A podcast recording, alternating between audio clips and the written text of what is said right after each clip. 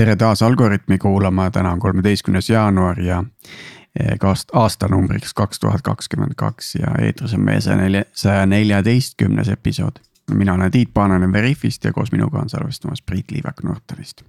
tervist. no Priit, kuidas sul on, kõik on hästi? kuule, kõik on väga hästi, ma juba mm -hmm. nagu aimasin hommikul seda küsimust, et sa, et sa küsid Aha valmistasid ette siis selle küsimuse vastuse? sisemiselt jah, et äh, no, mõtlesin, et, et sina oled siin sina olid nüüd puhkusel pikka aega, eks ja, ole, et ja. siis ma mõtlesin, et mida ma siis tegin. ja siis no. taipasin, et ma sain äh, äh,, ma olen siin meie kahe salvestuse vahel, mis ei ole küll päris kahe episoodi vahe, aga kahe salvestuse vahel äh,. hoopis rohkem teatris käinud, kui, kui ma arvan, viimase poole aasta jooksul, et äh, päris mõnus on. okei okay,, väga hea, julge mees ei no mul õnnestus saada, õnnestus saada äh, Draamateatrisse loožipiletid äh, oh.. ja noh, et seal, seal on julge olla küll, mõnus on sul kaks, kaks okay. meetrit on distantsi mõlemale poole ja. hea, hea vaadata, saab Just. saapad jalast visata. aga kuidas sinu puhkus oli? Kuule, ei, mis seal ikka, äh, tagasi tulles läks lennuki ratas katki, et oh. Äh, õnneks enne kui meid lennukisse pandi, nii et äh, venis, puhkus venis ühe päeva pikemaks. oota, et kuidas siis lihtsalt maa peal seistes läks katki või? ja, ja ilmselt hakati inimesi sisse laskma ja siis vaata alati kapten tuleb välja, teeb ju tiiru ümber lennuki, eks ju aga noh, kuna lennuk just saabus, eelmised tulid välja ja järgmised lähevad peale mm, -hmm. siis ta mhm. seal tiiru käigus avastas, et tal on üks rehv katki siis aeti maha tagasi? või äh, siis aeti rahvas uuesti hotelli ja, ja oli kõik. ja no, Tiit, palju ikka... seda juhtub üldse, ma ei taha siin hirmutada neid äh, lendavaid inimesi, kes lendamist kardavad, aga. juhtub, juhtub ikka. trehv maandumisel puruneb.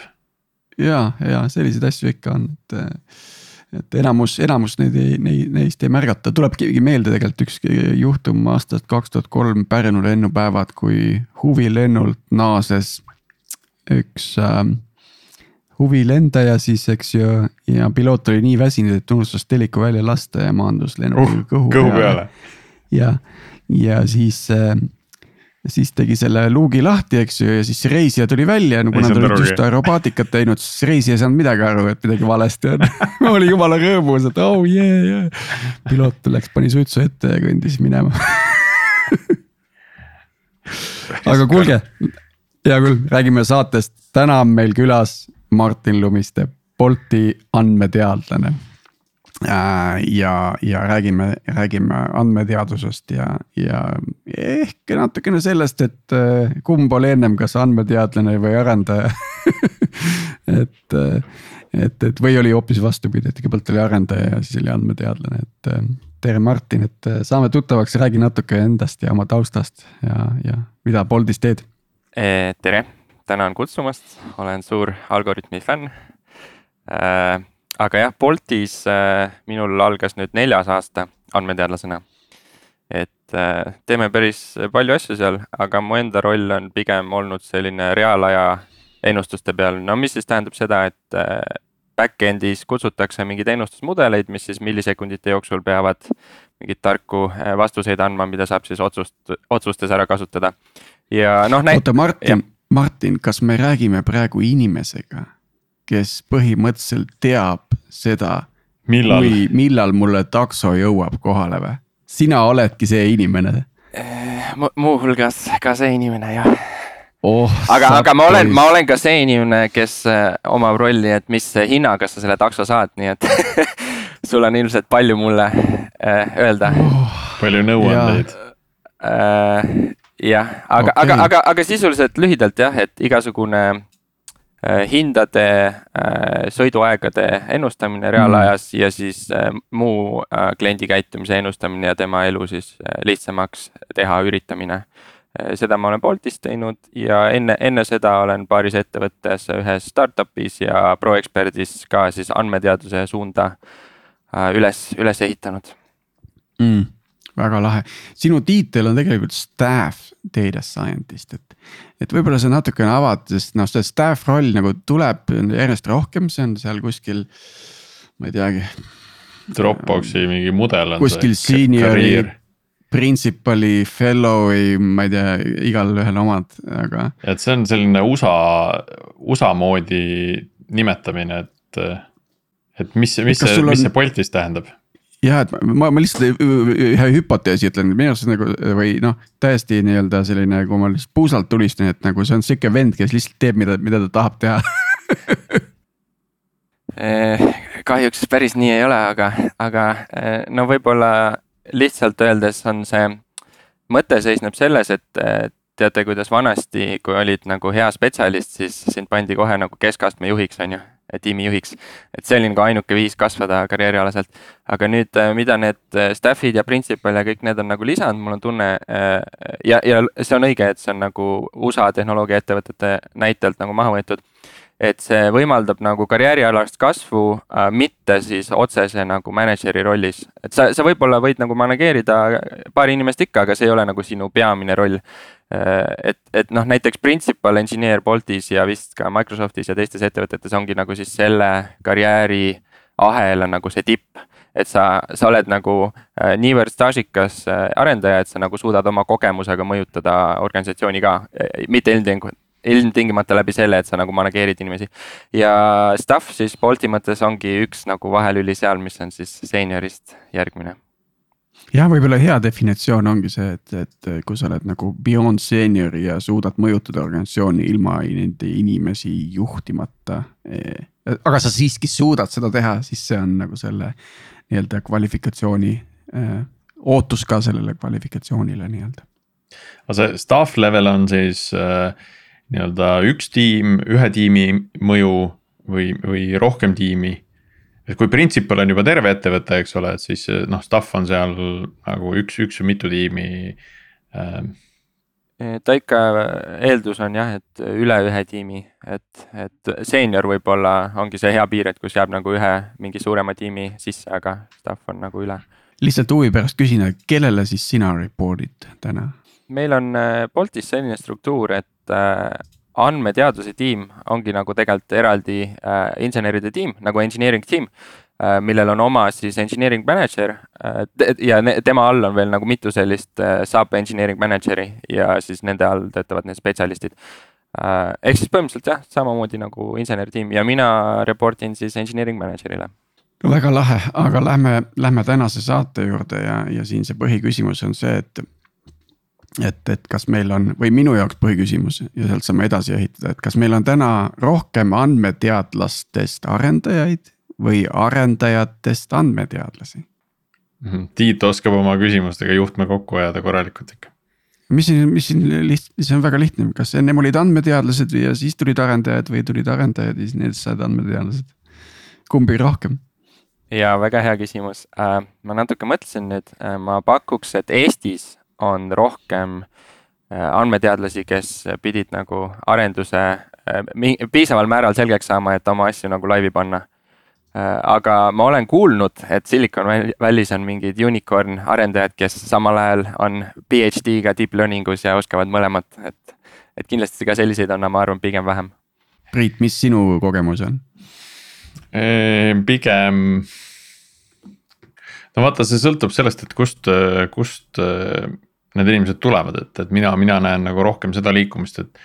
et inimesed on alustanud arendajana ja siis on liikunud äh, andmeteaduse juurde, aga noh, kas siis nüüd saab öelda, et nad on äh, arendajatest andmeteadlased või, või vastupidi, et, et seda ei tea, et noh, võib-olla see arendamise kogemus oli pigem selline enda ähm,. Enda jaoks nagu selgeks saamine, et mida see arendaja, arendaja roll üldse tähendab, eks ole, ja selle, selle järel tuli see liikumine on ju, et siis nad süvenevad ikkagi andmeteadusesse, aga, aga on alustanud näiteks hoopis teisest kohast.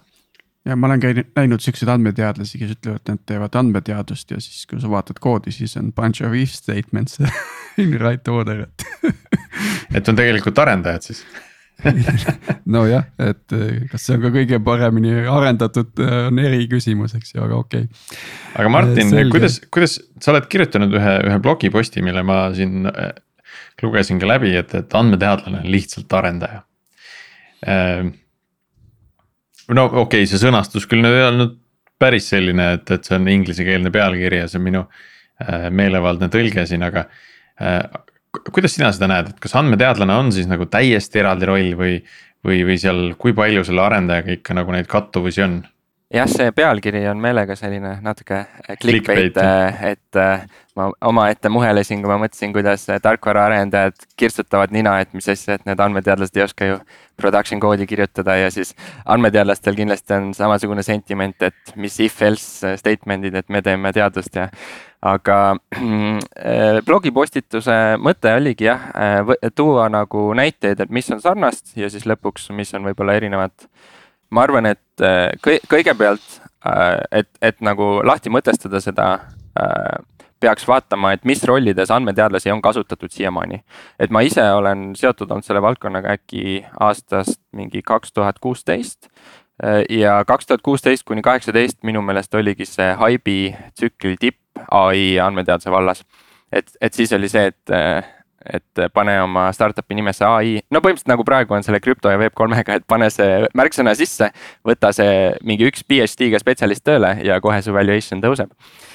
Äh, et mul on, mul on tunne, et tol ajal hästi äh, oligi hästi tihedasti kasutuses selline mudel, et andmeteadlane on nagu mingi võlur et äh, võtame lihtsalt PhD-ga inimese, päris täpselt me ise aru ei saa, mis ta tegema hakkab või et isegi mida ta teha oskab.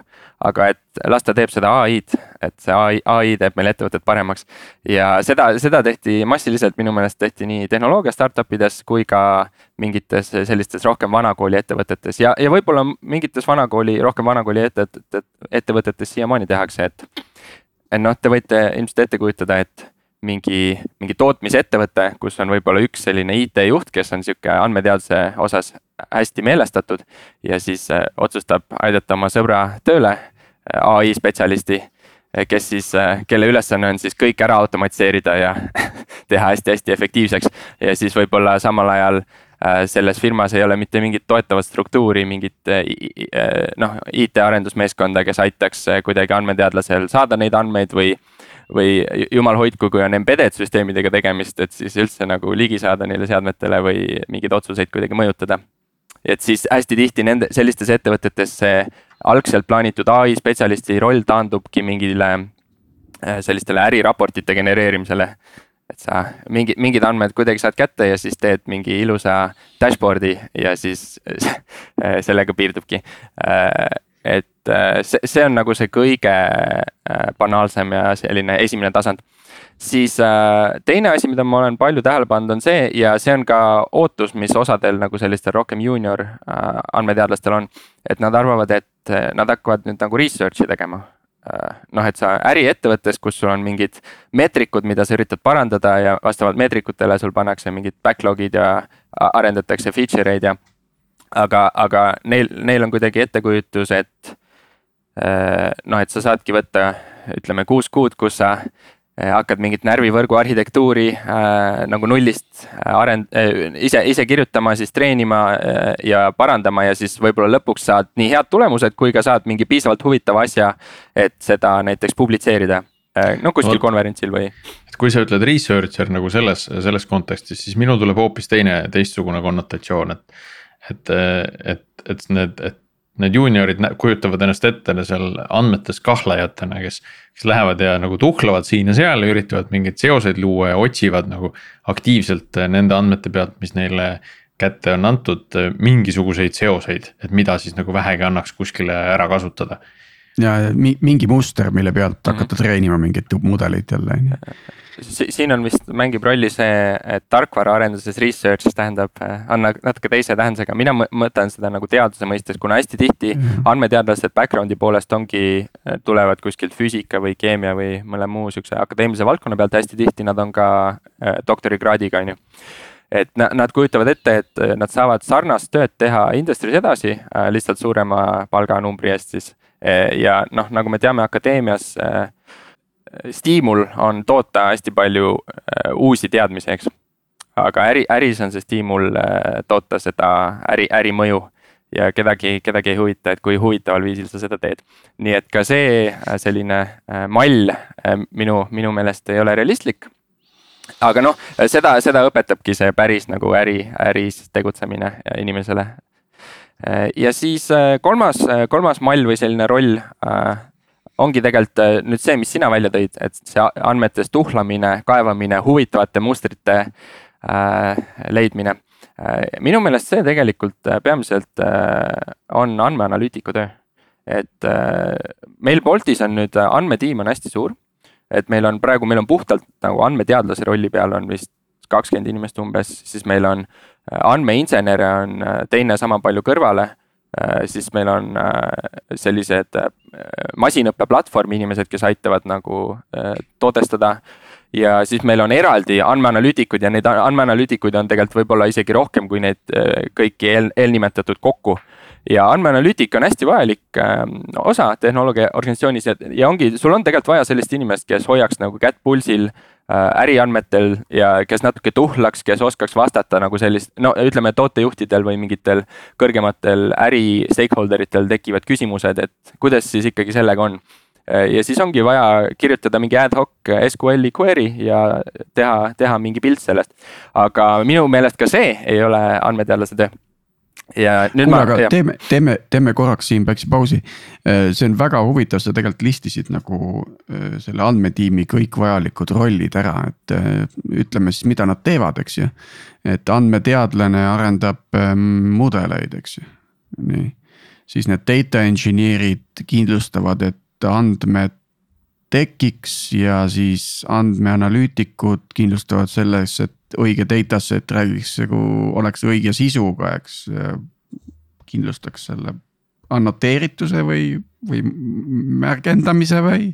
E, e, ei, ei see märgendamine, märgendamine on ikkagi kuskil mujal. eraldi veel, eks ju, inimesed on ju e, andmeanalüütika selline funktsioon ikkagi, no vähemalt Bolti näitel on ikkagi laias laastus noh, mida kutsutakse business intelligence, selle suuna nagu toetame, okay. et sul on mingi, mhm. sul on mingi platvorm, äh, meie, meie näitel see on Looker platvorm, kus sul on äh, viissada kuni tuhat kasutajat, on ju, kes iga päev tahavad mingeid graafikuid näha, et neid graafikuid toota ja õigesti arvutada selleks. okei okay., ja siis äh, märgendajad, eks ju, ja data engineer'id, mis ta data, data engineer'id seal nagu platvormi engineer'ide kõrval teevad? Põhimõtteliselt kogu, kogu data ingestion äh, siis ETL-ide äh, platvormi toetamine ja põhimõtteliselt kõik see, et äh, no lõpuks see data jõuab kuhugi analüütika, ütleme, ütleme kuhugi data lake'i sarnasesse asja. ja sinna ta jõuab nagu sellisel kujul, et seda saab analüütikas ja andmeteaduses kasutada. kõik see, mis enne seda juhtub, et need toorandmed tulevad mingitest event stream idest, kõik see on nagu andmeinseneride töö. nii et teil põhimõtteliselt nagu see, see BI stack ja masinõpe elab nagu ühes, ühes suures tiimis koos kõik? ei, vastupidi, et ah, okay. kõik, kõik need, et andmeteadus on nagu üks tiim, ongi nagu engineering tiim ja siis kõik need analüütikud, keda on tegelikult kordades rohkem, nemad on nagu üle organisatsiooni toetavad igasuguseid äridomeene. aga see on selgeks, aga nüüd andmeteadlane. just, et sa, sa tegelikult äh, võtsid päris hästi kokku, et andmeteadlased teevad mudeleid. Äh, aga mudel on selline abstraktne nagu kontseptsioon, et see, see ei tähenda ilmtingimata, et mudel on nüüd mingi äh, süvanärvivõrk, ei, ei pea alati olema. et ma, ma defineeriks mudeli kui mis tahes andmete põhjal moodustatud või õpitud kas automatsioon või selline artefakt, mis aitab mingeid otsuseid teha siis viisil, mida enne ei oleks saanud praktikas, kuidas see välja näeb ja mis on minu meelest üks nagu andmeanalüütiku ja andmeteadlase peamine erinevus Boltis. on see, et, et lõpuks sul ongi vaja, et sul on mingi tarkvara.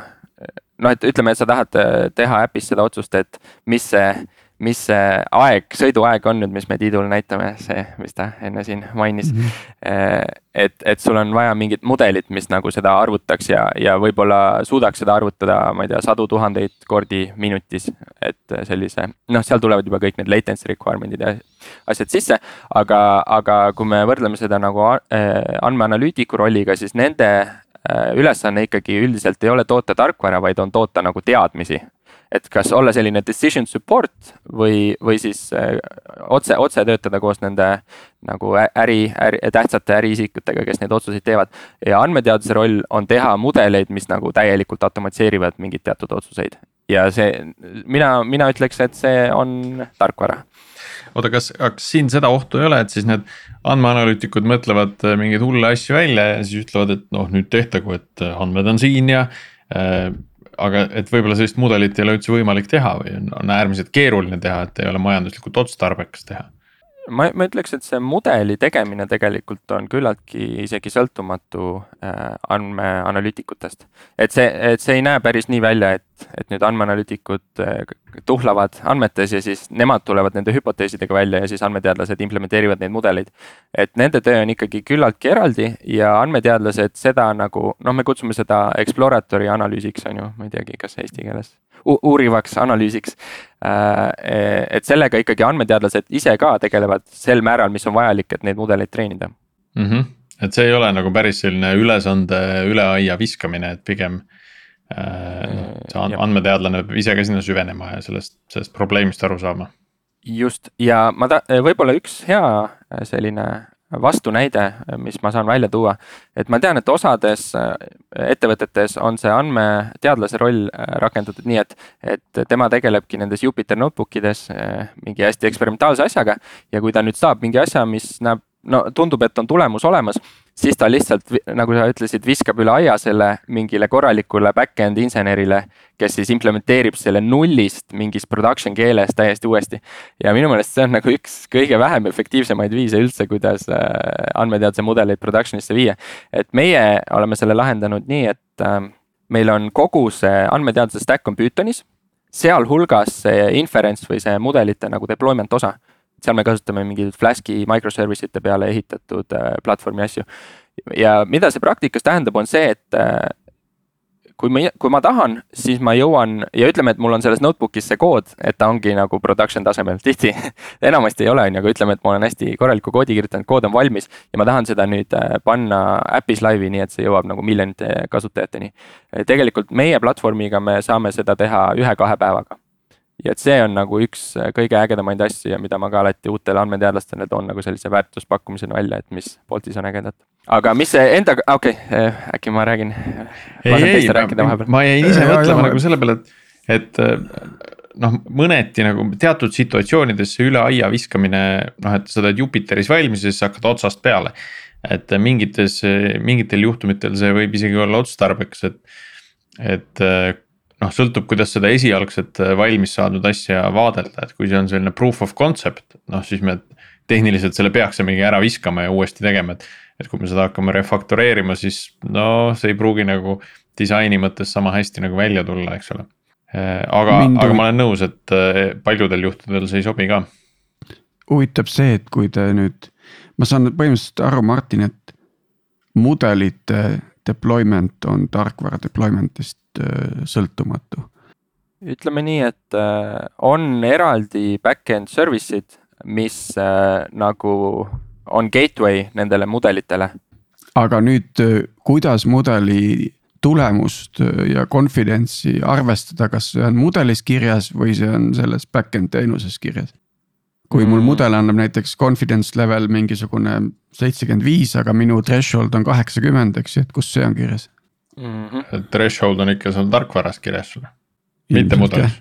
ma arvan, ma arvan, see oleneb äh, use case'ist, et sellist ühest mm -hmm. lahendust siin ei ole aga kui täpsed on täna Bolti mudelid, mul on väga provokatiivne küsimus, et, et kui kiiresti auto minuni jõuab, et kui täpne see on või kuidas te seda. ma võin, ma võin kasutajakogemuse öelda kasutajakogemus on niimoodi, et kui ma hakkan autot valima, siis on kaheksa minutit aga kui ma juba auto saan, siis see aeg väheneb oluliselt. Need olid lihtsalt suvalised arvud, aga see on see trend, mida ma olen. ei, ta võib, sõltub sellest, kus sa tellid, vahel see lihtsalt äh, kasvab ka. et ei vähene, vaid kasvab okay,. mul on, mul on õnneks on ainult vähenenud. sa oled, sa oled hea koha peal, mina ja. mõtlesin enne, kui me, enne mul tuli see mõte, et et vaata, kui palju see sind rohkem häirib, kui see number muutub äh, sellel ajal, kui sa ootad. Aga siis, kui sa autos juba istud ja see number nagu muutub, noh, et siis sa nagu elad nagu paremini üle selle et siis see täpsus ei pea nii kõrge olema, aga Martin, kuidas selle täpsusega siis on, et, et, et mis see confidence level noh, täna. ma ei tea, mille kohta sa oskad öelda ja, ja kuidas, kuidas te üldse mõõdate seda või kas, kas te jälgite seda läbivalt? eks, eks ikka iga, iga mudeli puhul jälgime päris pingsalt, jälgime nii offline'is, noh, masinõppes tüüpiline on see, et sa jätad mingi holdout set'i, ütleme viimase nädala ja siis sa vaatad, et kui täpne see mudel selle peal on. aga jälgime ka laivis, eks. noh, selle sõiduaja ennustamine ongi alati sellist palju furoori tekitav, aga ma võin öelda, et see on nagu hästi keeruline probleem ka. ja osalt seetõttu, et see ongi see kümme sekundit või kakskümmend sekundit, mis sa seal otsustad tellida ja lõpuks tellid et äh, tegelikult selle aja jooksul võib väga palju muutuda see situatsioon äh, pakkumise mõttes, et kui palju sul siis neid juhte ümberringi on. mitte lihtsalt seetõttu, et osad sõidavad minema, aga võib-olla ka on teisi kliente, kes nagu samal ajal tellivad ja näiteks selle auto, mida sina tahtsid saada, võtavad ära. Mm, äh, keeldun aga... aktsepteerimast aga, aga ma võin öelda, et mm, no me, kuna me kasutame neid sõiduaja ennustusi hästi, me, see ei ole ainult nagu kliendil näitamiseks, eks see on ka selleks, et otsustada, milliseid juhte ja äh, sõitjaid kokku viia äh, ja nii edasi. Äh, et ma võin võrdluseks öelda, et paljudes linnades me oleme näiteks äh, väliste pakkujate ja siin, siin all ma mõtlen noh, selliseid suuri platvorme, et Google, Google Maps näiteks. Äh, et me oleme neist täpsemad oma majasiseste mudelitega, mis siis kasutavad masinõppe algoritme et äh, see on tulemus, millega võib, äh, mina ise olen päris rahul. aga kas nüüd äh, need mudelid eri, eri linnade jaoks on, on erinevad või seal taga on üks, üks ja ühene mudel kõikide nii suurlinnade kui, kui väikese Tartu jaoks? See jällegi oleneb sellest rakendusest, kasutame mõlemat viisi, noh et intuitiivselt siin oleneb sellest, et mõni mudel suudabki näiteks Tartu andmetel õppida ka Pärnu jaoks. aga mõni mm -hmm. mudel ei suuda seda üldse ja siis olenevalt sellest me kasutame neid mõlemat varianti. ahah, et umbes, et hinnaarvutus võib olla nagu ühtne, äh, aga, aga siis ütleme, ajaline arvutus võib olla nagu erinevate mudelitega tehtud no just, et kui sul on näiteks mingi mudel, mis äh, on hästi täpselt ära õppinud, et seal Pärnus on see üks ristmik, kus on alati mingid liiklusprobleemid. et siis mm -hmm. ilmselt sellest ei ole nagu üldse mingit kasu Tartu näitel, aga jah, hinnatundlikkus võib olla klientidel, võib olla kogu Eestis sarnane äh,. aga kas me läheme selle rolli juurde tagasi, Tiit või, või, või, või sa tahad veel norida Bolti täpsuse kallal? Ei, mina, mina praegu rohkem ei taha norida, ei olnudki mõelnud alguses norida nüüd äh, lihtsalt, okei okay,, ärme mine sellesse ei, miks Tiit? inimene võib süsteemi äh, hammasrataste vahele jääda, aga see on teise mingi saate teema. aga ühesõnaga äh, ma tahtsin võib-olla seda uurida, et, et kui, kui nüüd tuleme tagasi selle arendaja ja andmeteadlase juurde, et, et et kuidas need peakujud erinevad ja kas nad erinevad, et.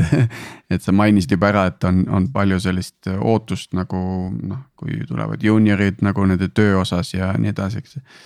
ja võib-olla, võib-olla inimesed tulevad, kellel on noh, on teinud teadust, on teatud viisil nagu harjunud toimetama.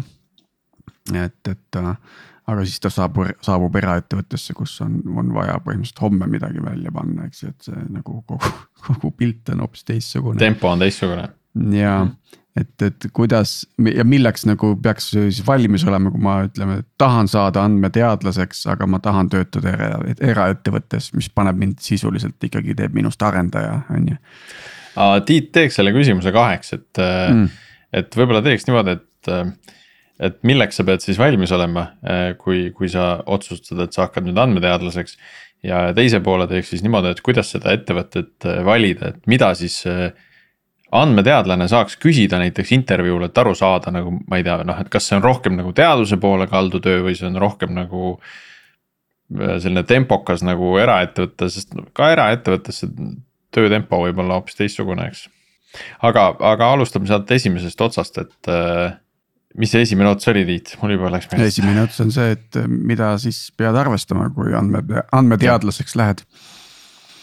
ma arvan, selleks võib-olla kõige parem on, kui ma toongi välja, et kuidas me töötame siis andmeteadlastena, et ma korra juba mainisin seda, et äh, kogu stack on Pythoni peal, sealhulgas see deployment. aga praktikas see tähendab seda, et andmeteadlane vastutabki põhimõtteliselt ühest otsast teiseni kogu selle loogika eest. et kõik algab sellest, et ütleme, et on mingi äriprobleem ja ütleme, et näiteks tootejuht äh, tuleb sinu juurde äriprobleemiga, mida on vaja lahendada. Äh, tema, temal ei ole head vastust, et kuidas seda teha.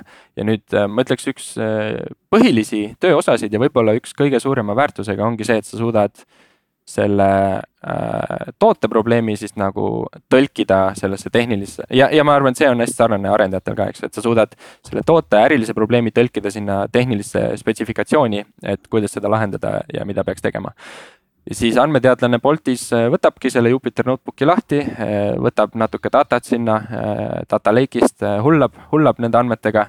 see on tavaliselt päris lõbus osa. noh, see, see on nagu huvitav, seal sa leiadki neid mustreid andmetes, seal sa saad valideerida, et kui täpsed on su ennustusmudelid. ja lõpuks ta jõuab mingi tulemuseni, mis heal juhul on, tähendab siis, et mudel töötab, seda asja me saame ennustada ja seda ennustust me saame niimoodi ära kasutada nüüd ja, ja Priidul oli väga-väga õige äh, punkt enne, et see on nüüd see prototüüpkood. ja nii hea tarkvaraarendaja kui hea andmeteadlane sisuliselt viskab ära selle et, et ta ei hakka nüüd refaktoreerima sedasama asja, ta tavaliselt kirjutab nagu from scratch nullist, ta kirjutab selle uuesti puhtalt. ja, ja, ja siin tihti andmeteadlased liiguvadki Jupyter Notebookist või Jupyter Labist kuhugi idesse, PyCharmi näiteks ja kirjutavadki nagu selles mõttes nagu korralikku tarkvara. ja mis see tarkvara siis teeb, ongi see, et ta esimene osa on nagu mingi selline äh, pipeline'i moodi asi. Äh, mis võtab need andmed, transformeerib neid, teeb mingit pre-process imist ja siis äh, treenib need mudelid ja mudelite treeningu lõpus tekib mingi mudeli artefakt, noh, mida me kutsumegi mudeliks. ja nüüd selle me serialiseerime ära ja nüüd me tõmbame konteineriseeritud. Seri-, serialiseerimine siis tähendab seal, et äh, see mudel on kuidagi universaalne või? Äh, ta on noh, no näiteks Pik-, selles Pythoni universumis äh, Pickle on selline universaalne serialiseerimise viis, aga mudelitel sul on erinevaid standardeid, et sul on näiteks ONNX ja igasugu. no et olenevalt rakendusest serialiseerime ära ja nüüd tõmbamegi selle mikroteenuse üles mis seda mudelit nagu serveerib äh, kutsujatele. ja seal, seal siis sisuliselt lihtsalt, kui see teenus nagu läheb üles, ta laeb nagu selle serialiseeritud mudeli samuti oma mällu ja siis ta ongi nagu valmis neid ennustusi äh, välja andma. ja nüüd kogu see, kogu see loogika, et kui midagi on valesti selles query's, mis neid andmeid tõmbab. või näiteks mudeli treenimisel on mingi hüperparameeter vale või näiteks äh, sa oled teinud bugi selles äh, mikroteenuses, mis näiteks iga request'iga ta paneb mällu mingit lisab mingit asja juurde ja sul on hiiglaslik memory leak seal. kõige selle eest Boltis nagu põhimõtteliselt vastutab äh, andmeteadlane. ja, ja on küll tõsi, et meil on nagu platvormi inimesed, kes noh, kui sa teedki nagu sarnast mudelit kümme korda. et lõpuks on mõtet nagu see standardiseerida ja teha nagu mingid platvormi layer'id sinna peale aga ütleme nii, et platvormi tiim annab tööriistad, lõpuks ikkagi andmeteadlased kasutavad neid tööriistu. et see, see selline näeb välja nagu see iga, igapäeva roll ja et mida, mida oodata. ja ma arvan, et see on küllaltki sarnane äh, suurtes tehnoloogiaettevõtetes, et noh, näiteks kui sa töötaksid Facebookis andmeteadlasena, ma arvan, seal on hästi sarnane see äh, töö ülesehitus. Äh, kus ta võib erineda äh, ja, ja see võib-olla haakub selle küsimuse, oli, oli vist küsimuse teine pool, et kus saab nagu seda ja, ja research'i ja RD-d teha äh, no ma arvan, et on osad ettevõtted, kes ongi nagu ai first et kelle nagu toote edukus oluliselt sõltub äh, ai-st, noh, et kui me kujutame ette Veriffi ja, või, või no Starshipi vast võib ka nagu kutsuda selleks ikkagi. et äh, nendel on see nagu äh, kriitiline ärimeetrikate osas, et kui hea see ai on mingis mõttes. et ma kujutan ette, et äh, see tähendab ka seda, et nad on nagu nõus investeerima research poolde puhtalt äh, rohkem. sest noh, ilmselt kui sa teed, lahendadki näiteks Starshipi ülesannet, siis ei ole maailmas nagu kedagi teist, kes oleks seda teinud ja sul ei ole nagu. no meil, me, meil Boltinetel on alati hea see, et äh, tegelikult neid sarnaseid ettevõtteid on ju veel ja nad on samamoodi andnud välja neid open source tarkvarateeke. et tihti me saame neid ära kasutada. aga üldiselt ma arvan, et et võrreldes akadeemiaga, äh, et kui sa tuledki näiteks äh, PhD-st või ütleme, et sa töötad kuskil OpenAI-s või DeepMindis, siis äh, äri, ärisektoris on ikka stiimulid on täiesti teised. et nagu ma enne mainisin, et kuna, kuna kõike juhivad ikkagi ärimeetrikud, siis RD hulk ikkagi tahes-tahtmata on väiksem. aga mida seal näiteks andmeteadlasena ka töövestlusel võiks võiks äh, küsida või uurida, et noh, mul endal esimese mõttena tuleb kohe pähe see see struktuur, et noh, millis-, milline see tiimi struktuur siis on, et noh, et kas on andmeanalüütik näiteks eraldi rollina olemas ettevõttes. või oodataksegi, et see andmeteadlane on see võlur, kes teeb kõik asjad ära, on ju. et noh, see annab juba mingi pildi, aga on sul veel mingeid mõtteid, et, et mida siis küsida või uurida, et, et aru saada nagu millise millise profiiliga see andmeteadlane siis selles konkreetses ettevõttes on? just, et, et ma arvan, see esimene küsimus, mis sa mainisid, on väga hea, et or, selline organisatoorne ülesehitus et kellele sa nagu äh, raporteerid ja kellega sa koos töötad ja kas analüütika on töö osa ja kas tihti näiteks ka andmeinseneeria on töö osa, et sina eriti väiksemas äh, startup'is sa vastutadki ka selle kogu selle andme äh, ingestion'i eest ja põhimõtteliselt end-to-end kõigest. ja ma arvan, teine küsimus on, et mis on andmeteaduse tiimi stack, et, et kui suure tehnilise osa eest sa vastutad, sest et ma tean, et on ka firmasid, kus äh, sa tegelikult viskadki oma mudelid üle aia. ja sa ei tea midagi, mis nendega pärast juhtub ja sind ei huvitagi, mis nendega pärast juhtub, sest sinu töö on nagu teha ainult seda eksperimentaalset osa seal Jupyter Notebook'is. et äh, mina ise väga hindan seda võimalust äh, teha nagu rohkem, et rohkem nagu ühest otsast teiseni, sest see nagu ta, see on kuidagi muidu nagu õpitud abituseks, et võib-olla mm -hmm. sa mhm. töötad nüüd selles firmas, kus sa teed ainult seda ühte väikest juppi. aga nüüd äh, see firma, ma ei tea, lõpetab tegevuse ja nüüd sa pead minema teise firmasse, kus sa, sa ei ole enam kasulik, on ju, sest sa oskad ainult mingit hästi spetsiifilist asja samas on jälle ettevõtted kasvavad, fookus peab nagu süvenema, eks ju ja inimesed peavad rohkem, rohkem fokusseerima, eks. et see levinud koht, kuhu see piir tõmmata või hästi selline näiliselt loomulik koht ongi see mudeli serialiseerimise hetk, on ju, et. et andmeteadlane võiks ju noh, võib ju olla kokkulepe arendustiimide ja, ja, ja andmeteadlaste vahel, et. et mis formaadis see serialiseeritakse. ja, ja siis see mudel nii-öelda visatakse üles, keegi teine teeb, keegi teine teeb selle mikroteenuse, mis päriselt seda mudelit nagu rakendama hakkab või kasutusele võtab siis. et, et see on nagu minu jaoks päris huvitav kuulata, et, et seda antud juhul teeb ka andmeteaduse tiim ise et selle mikroteenuse arendust no, no nagu ma enne mainisin, siis nagu see platvorm mikroteenuse jaoks on olemas, et kõik need nagu template'id, et sa põhimõtteliselt lihtsalt võtad selle mikroteenuse malli ja mm -hmm. paned siis sinna sisse nagu need äh, erinevad komponendid, aga ma, ma tean. aga noh, see API disain näiteks, et äh, mikroteenuse äh, puhul, kuidas see API disainitakse see on kust, sam-, see on sama, sest põhimõtteliselt üheksakümmend protsenti juhtudest su teenuse ainuke eesmärk on vastata mingile. no põhimõtteliselt anda see ennustus välja mingile standard et, nagu request'ile. sa annad nagu andmed sisse, üks, üks väli, data ja, ja siis output on prediction just, et see selles mõttes see ei ole mingi väga keeruline mikroteenuste mm., aga ma saan aru, miks see tundub nagu tarkvara arhitektuuri tasemel loogiline, et seal on see nagu äh, joon, kus tõmmata. aga siin on üks äh, oluline nüanss masinõppe mõttes, et täpsuse, täpsuse jaoks on äärmiselt oluline, et need andmete distributsioonid või tähendab jaotused oleksid treenimisel ja nüüd nagu sellel ennustamisel sarnased sest muidu mudel ei pruugi hakkama saada.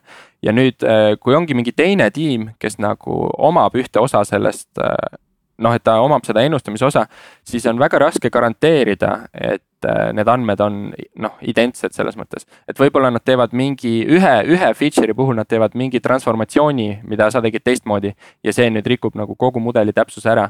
et äh, selles mõttes äh, on väga raske garanteerida, et eraldatud ownership'iga see mudel nagu saab hakkama.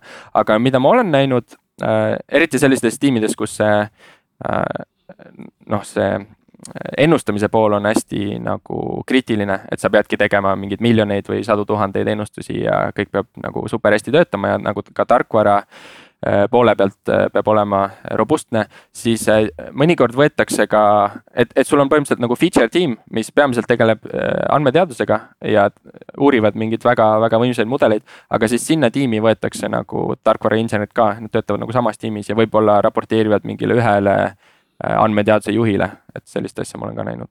et selline teist, teistpidi täiendamine, et mitte ei täiendata arendustiimi andmeteadlase rolliga, vaid, vaid täiendatakse andmeteadlaste tiimi äh, arendaja rolliga. just ja, ja see tegelikult tuleb sellest, äh, mis ma arvan, on hästi oluline nagu meeles pea, et et see, see ei ole nüüd mingi võistluseks, et ma tean, et kunagi räägiti, et software kaks punkt null on ju, sööb ära kõik software üks punkt nulli ja et nüüd paneme närvivõrgud igale poole, et see on nagu jama. Eh, tegelikkuses eh, üks Eesti andmeteadlane Jonathan Samuel minu meelest sõnastas väga hästi selle, et tihti sul need tarkvaraarenduse probleemid on planeerimise mõttes binaarsed. et sa enam-vähem tead, mida on vaja teha sa võib-olla ei tea täpselt, kuidas seda hakkad tegema, aga eesmärk on selge. Äh, sa kirjutad mingi disain-doki valmis, sa võib-olla uurid, äh, mis on parimad viisid, parimad tehnoloogiad ja siis sa implementeerid selle ära ja see on tehtud. et see on selles mõttes binaarne, et nüüd see nagu featuur või asi on olemas. ja kui me nüüd võrdleme seda nagu andmeteaduse maailmaga siis äh, ütleme, et sa tahad mingit mudelit teha, mis ennustab mingit asja. enne seda, kui sa selle esimese prototüüpmudeli teed, sa ei tea, kui täpne see mudel on. ja olenevalt sellest, kui täpne see mudel on, see määrab, et kas ta on üldse äri jaoks kasulik või mitte. ehk siis. pluss sa saad seda tõenäoliselt lõpmatuseni veel täpsemaks ajada just, et see on nagu selline äh, pidev pidev äh, itereerimine ja, ja tegelikult, mis see Boltis ma olen tähele pannud planeerimise mõttes tähendab, on see, et tarkvaraarendajad kirjutavad disain-dokke enne, kui nad hakkavad äh, tehnilist tööd tegema. andmeteadlased pea alati kirjutavad pärast, et mida me tegime, sest et enne sa ei tea, sa ei tea, sa nagu vaatad, kuhu see viib sind. et see on nagu hästi huvitav. ma lihtsalt väikse märkuse panen siia, et et ka tarkvaraarenduses igasugused corner case'id ja bug'id jäävad sisse ja, ja, ja, ja see on see määramatuse osa, see, see osa, mida, millest meil mitte mingit ettekujutust ei ole, kui me seda tarkvara kasutame, et, et on see tarkvaraarenduses samamoodi, et. no mingid, mingid episoodid tagasi, Tiit, mäletad, Sergei tutvustas meile seda äh, raamistikku. Äh, noh, millega selles mõttes, mida mina olen väga erinevat kujul äh, näinud, on ju, et no fantastiline, sul on isegi välja prinditud see. Äh, et, et mulle tundub, et siin äh, andmeteaduse maailmas siis enamik probleeme langeb sinna kompleks kasti. et sa tegelikult, tegelikult ei teagi nagu, kuidas seda asja, kuidas sellele asjale üldse läheneda. ja, ja arenduse vaates on, vahel on complex kastis, vahel on complicated kastis, vahel on obvious kastis, on ju. ja, ja need, need lähenemised ongi nagu erinevad, et, et seal sa pead seda nagu valikut rohkem tegema. aga, aga andmeteaduses on nad, on nad sageli seal complex kastis ja vahel on complicated kastis. et Martin, kui palju sa seda näed, et tullakse ka mingi mõttega, et oh, paneme nüüd siin andmeteaduse tiimi peale. ja, ja sina, sina vaatad sellele probleemile otsa, et aga noh, las siis et selle saab ju lihtsalt tarkvaraarendusega ära teha, et siin ei ole nagu mingit mudelit vaja teha üldsegi. kogu aeg lihtsalt öeldes, et äh, ja, ja see on noh, tegelikult minu meelest põhjus, miks tihti startup'il ei ole vaja andmeteadlast. et äh, noh, kui me äh, lähtume sellest tavalisest tootejuhtimise kaheksakümmend, kakskümmend printsiibist äh,. väga harva see andmeteadus mahub sinna kaheksakümne sisse ja seetõttu ongi tegelikult praegu, praegusel hetkel Boltis päris põnev et kui äri kasvab, siis aina rohkem tekib selliseid äh, probleeme, mis nagu õigustavad, et aa, et võib-olla panekski ühe doktorikraadiga matemaatiku siia peale, on ju, kes teeb ainult seda. Äh, ja, ja teebki nagu hästi keerulisi algoritme. Äh, nii et ma arvan, et andme, tegelikult andmeteadlastele omane või noh, vähemalt osadel neist ongi see, et nad on nagu alati sellised natukene obsessiivsed selle toote mõtlemise koha pealt ka sest et äh, tihti peab nagu seda pushback'i andma, et, et kuulge, et siin ei ole ju mõistlik, et teeme nagu if, ühe if else. no vot seda ma mõtlengi, et, et noh, teadlasena võib ju no, kui täitsa nagu teadust tahta teha, siis võib ju igas äh, probleemis näha võimalust.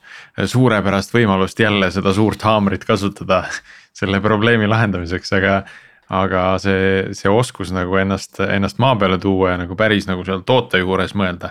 Äh, see on ilmselt päris oluline kuskil, kuskil tööd tehes. ja ilmselt siin on ka see, et tegelikult noh, üldine trend äh, paistab praegu olevat, et tuua see äh, teenuse äh, käitamise kulu nagu üheks meetrikaks nagu ka arendajale, et ta saab aru, et kui palju ta käitab ja noh. kui me räägime siin andmeteadusest ja võib-olla masinõppest ja masinnägemisest, eks ju, siis see kulu võib väga kiiresti tõusta väga kõrgele, eks ju, kui sa võtad seal õiged, õiged äh, protsessorid kasutusele, eks ju, et. et, et ilmselt äh, see, see kulu mõtlemine äh, distsiplineerib ka päris palju, et päris lihtsaid asju ei ürita selle suure haamriga ära, ära tappa. Martin, kuidas üldse andmeteaduses Ehm, noh, üks pool on see kulu mõõtmine tagantjärele, eks, et, et vaatadki palju, ehm, mis, mis see arve sealt eh, pilveteenuse pakkujalt tuleb, on ju. aga, aga teine pool, et tahaks ju kuidagi ette ka hinnata seda, et eh, noh, mitte seda kulu, aga seda, seda koormust siis on ju, et ühelt poolt noh, mul on mingi mudel, mul on mingid testandmed, see annab mulle vastuse kümne millisekundiga, aga tõenäoliselt toodangsüsteemis on andmeid palju rohkem, aga noh masinate võimsus on ka hoopis teine. et, et kuidas te üldse hindate seda, et, et kas see, kas see jõudlus sellel mudelil äh, on vastav või kas see läheb nagu teatud latist üle või, või tuleb seal veel optimeerida, midagi paremaks teha? eks, eks paberi peal saab ka nagu enne, enne juba nagu laivi laskmist saab mingil määral seda teha. sest lõpuks neid mudeleid ju kutsutakse mingitest äh, back-end teenustest Äh, mis juba eksisteerivad ja nende back-end teenustel me teame, et kui palju seal liiklust keskmiselt on ja me teame, kui tihti meie mudelit nagu hakatakse kutsuma. et sa saad sellist nagu mudeli keerukust arvutada nagu paberi peal ja selle, sealt siis tuletada seda, et kui, kui see päringute arv või, või andmete maht kasvab äh, mingis suurusjärgus, et kuidas see siis mõjub sellele käitusajale? põhimõtteliselt küll jah, ja, ja siis äh, noh, praktikas alati, mida me ka oleme teinud, et sa saad mingeid load test'e lihtsalt teha, et sa tõmbadki võib-olla ainult selle äh, nagu ainult selle masinõppemudeli mikroteenuse üles ja nüüd hakkad selle mm -hmm. pommitama ja vaatad, et kui kaua läheb, et see nagu ära sureb mm. -hmm. aga noh, ma mõtlen sellist nagu keerukust arvutada mingi närvivõrgu jaoks, minu jaoks tundub nagu suhteliselt ulme, et. et mingi algoritmi jaoks on, on seda veel te tehta, teha võimalik ja selle jaoks noh, ütleme, kui ma vaatan koodi, äh, mis on siis ikkagi võr-, võrdlemisi lineaarse käivitusega. Ja selle jaoks on ka vahendid, tööriistad olemas, mis aitavad seda keerukust arvutada. aga mingite mudelite jaoks, et kuidas seal see käib? ah,. okei okay,, sa, eh, kui sa seda eh, big, big O eh, notatsiooni keerukust mõtlesid, siis tegelikult seda pigem ei arvuta, et. no aga sa, sa arvutad ju kuidagi välja nagu selle, et, et kuidas nagu sisendandmed mõjutavad seda käivitusaega. noh, et seal, seal vahel on mingi seos, et ta ei ole küll nagu big O notatsioon, on ju, andmeteaduse vaates andmeteaduse mudelite puhul, aga, aga no mingisugune seos nende vahel on, on olemas või hinnatav ma, ma arvan, et nagu eh, see mudel üldiselt saab nagu üksikuid request'e, eks, et sul on mingi JSON payload, kus on nagu ütleme, need featuurid, mis lähevad mudelist sisse, siis ta teeb ennustuse. Äh, nüüd see, et mis on nende featuuride väärtused, olenevalt sellest väga palju ei muutu see äh, mudeli latency. Äh, ehk siis põhimõtteliselt, millest oleneb, kui hästi mudel hakkama saab, on see, et kui palju neid request'e tuleb ja seda me saamegi nüüd hinnata, et vaadates, et kui palju need back-end teenused äh, hakkavad seda kutsuma. ja siis üritades simuleerida seda koormust nagu selle mudeli peal ise. okei okay. See, et seal, seal nagu... tegelikult ei ole vaja nagu mingit äh, sellist äh, analüütilist arvutuskäiku teha. no sest ma kujutasin nagu ise ette seda, et, et ütleme, kui me vaatame mingit pilditöötlust on ju, me otsime äh, teatud tüüpi objekte, et noh, siis siis see, et kui palju selles pildis on nagu selle objektiga sarnaseid objekte, noh mõjutab ka seda, seda äh, käivitusaega äh, et, et mis sageli, et noh, mis laadi need andmed on, võivad mõjutada seda, äh, seda, seda töötlemist ennast. aga, aga jah, ma kujutan ka ette, et väga paljudel juhtudel see, see nii ei ole, et, et kui sa need äh, featuurid, mis sa sinna sisse annad, on noh, suudad ikkagi üsna äh, üsna binaarseteks ära muuta või üsna nagu lihtsa, lihtsa andmetüübiliseks, et siis see on oluliselt hõlpsam jah, praktikas ei ole sellist probleemi veel ette tulnud. mul on siia lõppu võib-olla selline küsimus, mis natukene läheb äh, selle Günevini komplekskategooria ei lähe hästi kokku, aga noh, kui ma mõtlen, et andmeteadlane, sa pead natukene asju uurima, et aru saada, kas see on üldse asi, eks ju. aga mis on need asjad, mis, mida sa tead, mis on täna lahendamata aga sul oleks vaja, et need oleks lahendatud? jälle väga huvitav küsimus äh,. no inimeste käitumist tuleks parem vist äh, täpsemalt ette ennustada või? ma arvan, see võib-olla kohati haakub sellega, et mida ma näen, et ka tulevikus on need äh, suunad, kus seda masinõppe research'i tehakse ja ka masinõppe tarkvara nagu areneb. et kaks, kaks asja, mida täna tegelikult äh, ei ole väga, väga heal kujul. üks on see, et äh, siiamaani me oleme tihti äh, treenimist ja ennustamist teinud äh, batch'i kujul. et noh, et piltlikult öeldes sul on mingi, ütleme, suur Sparki klaster, sa paned oma suurandmed sinna kokku, treenid mingi hiiglasliku mudeli. ja nüüd äh, lased selle laivi ja siis kasutad seda mudelit näiteks nädal aega ja siis treenid uuesti ja nii. Äh, aga tegelikult efektiivsem äh, oleks teha seda online'is rohkem, et sul põhimõtteliselt iga, iga andme siis nagu iteratsiooniga, mis tuleb, sa näiteks äh, treenid oma mudeli uuesti. või siis kasvõi, et jõuda sinna, et need featuurid, mida me mudelitesse anname, et need oleksid nagu reaalajas. noh, piltlikult öeldes, et äh, äh, me oleme õppinud sinu söömisajaloo põhjal, et sulle meeldivad sellised toidud, aga nüüd miskipärast äkki sul oli see uus, uus Covid tüvi, mis muutis su maitsemeeli. et nüüd sul hakkas Hiina toit metsikult maitsema. mida varem me seda suudame tuvastada, seda varem me suudame ka nagu anda sulle relevantseid soovitusi, eks aga selleks äh, oleks vaja mingit nagu sellist reaalaja stream processing äh, baasil nagu nende featuuride arvutamist. ja ma, maailm nagu areneb sinna suunas, aga praegu see ei ole nagu selline asi, mida väga lihtsalt saaksid kõik kasutusele võtta. et minu jaoks see tundub nagu veaohtlikum ka, et, et äh, noh, mul on kolm päeva on nagu, ma ei tea, õde tuleb külla, tellib minu telefoniga nagu toitu ja siis on kohe nagu kõmm on kõik asjad muutunud, et et, et see tagasiõppimine võtab nagu rohkem aega. või siis, kui seda nagu batch idega tehakse, et siis võib-olla see kolm päeva ei paista sealt üldse väljagi, ei mõjutagi minu nagu seda tulemust. ei no teine mudel tuleb, ütleb sulle läbi digitaalse assistendi, küsib sult, et kuule, kas sul tuli õde külla ja, jah, et me nüüd vaatasime, et sa oled äh, märkimisväärselt ja. muutnud oma tellimusi jah, jah, just äh,, okei okay. äh,, nüüd mul läks see originaalmõte ära, aga, aga äh,. Aa ah, jaa, et, et kui palju täna märgendamist on võimalik delegeerida lõppkasutajale? või kvaliteedi kontrolli kui üldises mõttes nagu? Eh, kas sa märgendamise all mõtled nagu le leebeldamist siis inglise keeles? leebeldamist jah, et, et. Ma tean, et seda on kindlasti võimalik delegeerida äh, anonüümsetele India või muude riikide töötajatele läbi Amazoni platvormi näiteks. et, et see, see on tihti nagu lihtsam, aga lõppkasutajale noh, noh Bolti-suguse platvormi puhul äh, mingil määral on võimalik, noh, kasvõi see, et rate your order on ju. et kas see äh, kuller oli hea, kas restoran oli hea. Aga noh, see, sa ei saa ikkagi seda kohustuslikuks teha, mis tähendab, et sul koguneb neid andmeid nagu äh, vähem, nii et ja, kui sa maksadki. Mm -hmm. kui sa maksad kellelegi, siis ta võib-olla teeb paremat tööd.